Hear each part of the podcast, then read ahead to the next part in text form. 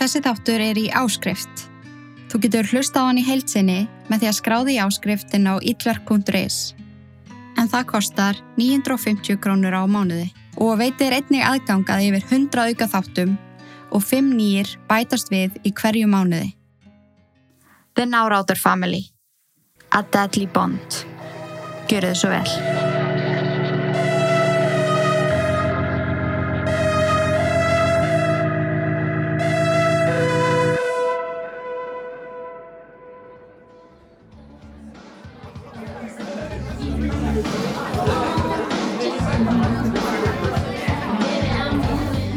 Þetta byrjaði allt saman með saklausu mentaskólapartíi í New York árið 1989.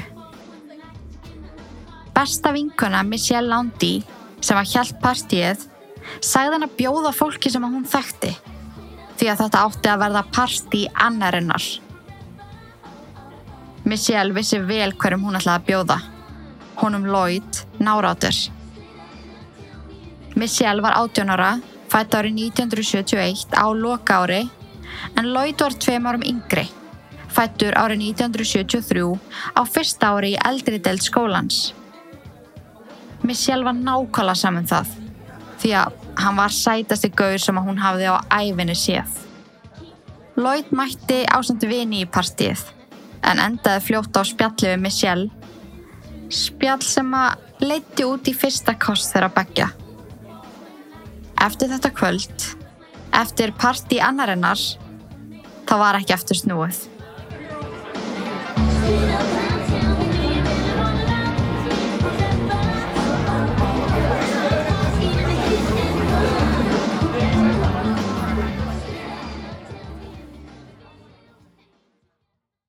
Michelle og Lloyd urðu par og allir nefndu skólans litu á þau og hugsuðu. Óh, þetta vil ég. Þau eru svo fullkomin. Þau gengu hönd í hönd eftir göngum skólans, kistust bless fyrir kennslustundir og lærðu saman á bókasafninu. Fóreldrar Michelle elskuðu Lloyd og fóreldrar Lloyd elskuðu Michelle. Þau urðu öll ein stór fjölskylda og bæði hjartanlega velkomin á heimili hvers annars. Verandi svona ung þá má ég alveg segja að þau hafi alist upp saman og allir vissu að þarna voru ferðinni sálufélagar með framtíðina fyrir sér. Árið 1991, tveim árum eftir partíið örlaríka, þá giftuðu sig. Michelle var tvítug og Lloyd, 18 ára, ný útskrifaður úr mentaskóla á brúðköpstægin. Þau fóru svo ný gift í sama háskólan, þar sem að Michelle stundaði nám í enskri bókmentafræði og Lloyd í verkfræði. Eftir útskrift þá settust þau að í Corning í New York og uppliðu þá í fyrsta sinn hvernig var að búa bara tvö. En fram að því höfðu þau bæði búið heima á fóldrum sínum. Þau voru virki í hverfinu sínu í Corning, áttu marga góða vini og virtust ótrúlega glöð með allt sem að þau höfðu áorkað og auðvitað með hvort annað. Eftir útskrift fekk Michelle starf sem ennskukennari í mentaskóli Corning og Lloyd sem verkfræðingur hjá Corning Glass fyrirtæki sem að sérhæfi sig í gleri, augljóslega, en hefur í 150 ár unnið að sérstökum tegundum glers, svo sem Pyrex sem er lína af eldús áhaldum gerður bórsilíka gleri sem er hita á frostþólið. Corning Glass framlega líka glös og annan glerbúnað sérstaklega ætlaðan tilraunarstofum. Þetta er mjög áhugavert fyrirtæki og staður sem að lefði verkfræði kunnáttu Lloyd að njóta sín.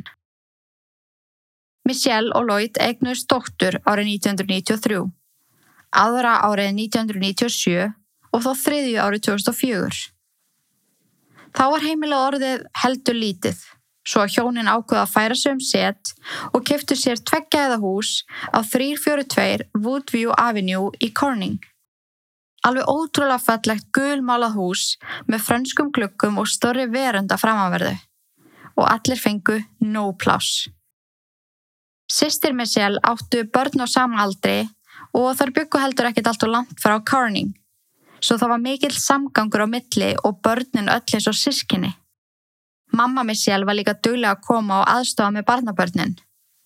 En þær heimsóknir fækkuðu þó töluvert eftir áramót 2005-2006. Mamma Michelle sem heitir Jenny varð vittni af atbörðum inn á heimilinu sem að henni líkaði alls ekki. Þegar hún opnaði sig með skoðanir sínar, mættu Lloyd og Michelle henni með verulega köldu viðmóti. Þá sérstaklega Lloyd sem að raka hana einu sinni út og baða hann um að vera vinsamlegast, ekki að skipta sér á þeirra fjölskylduháttum.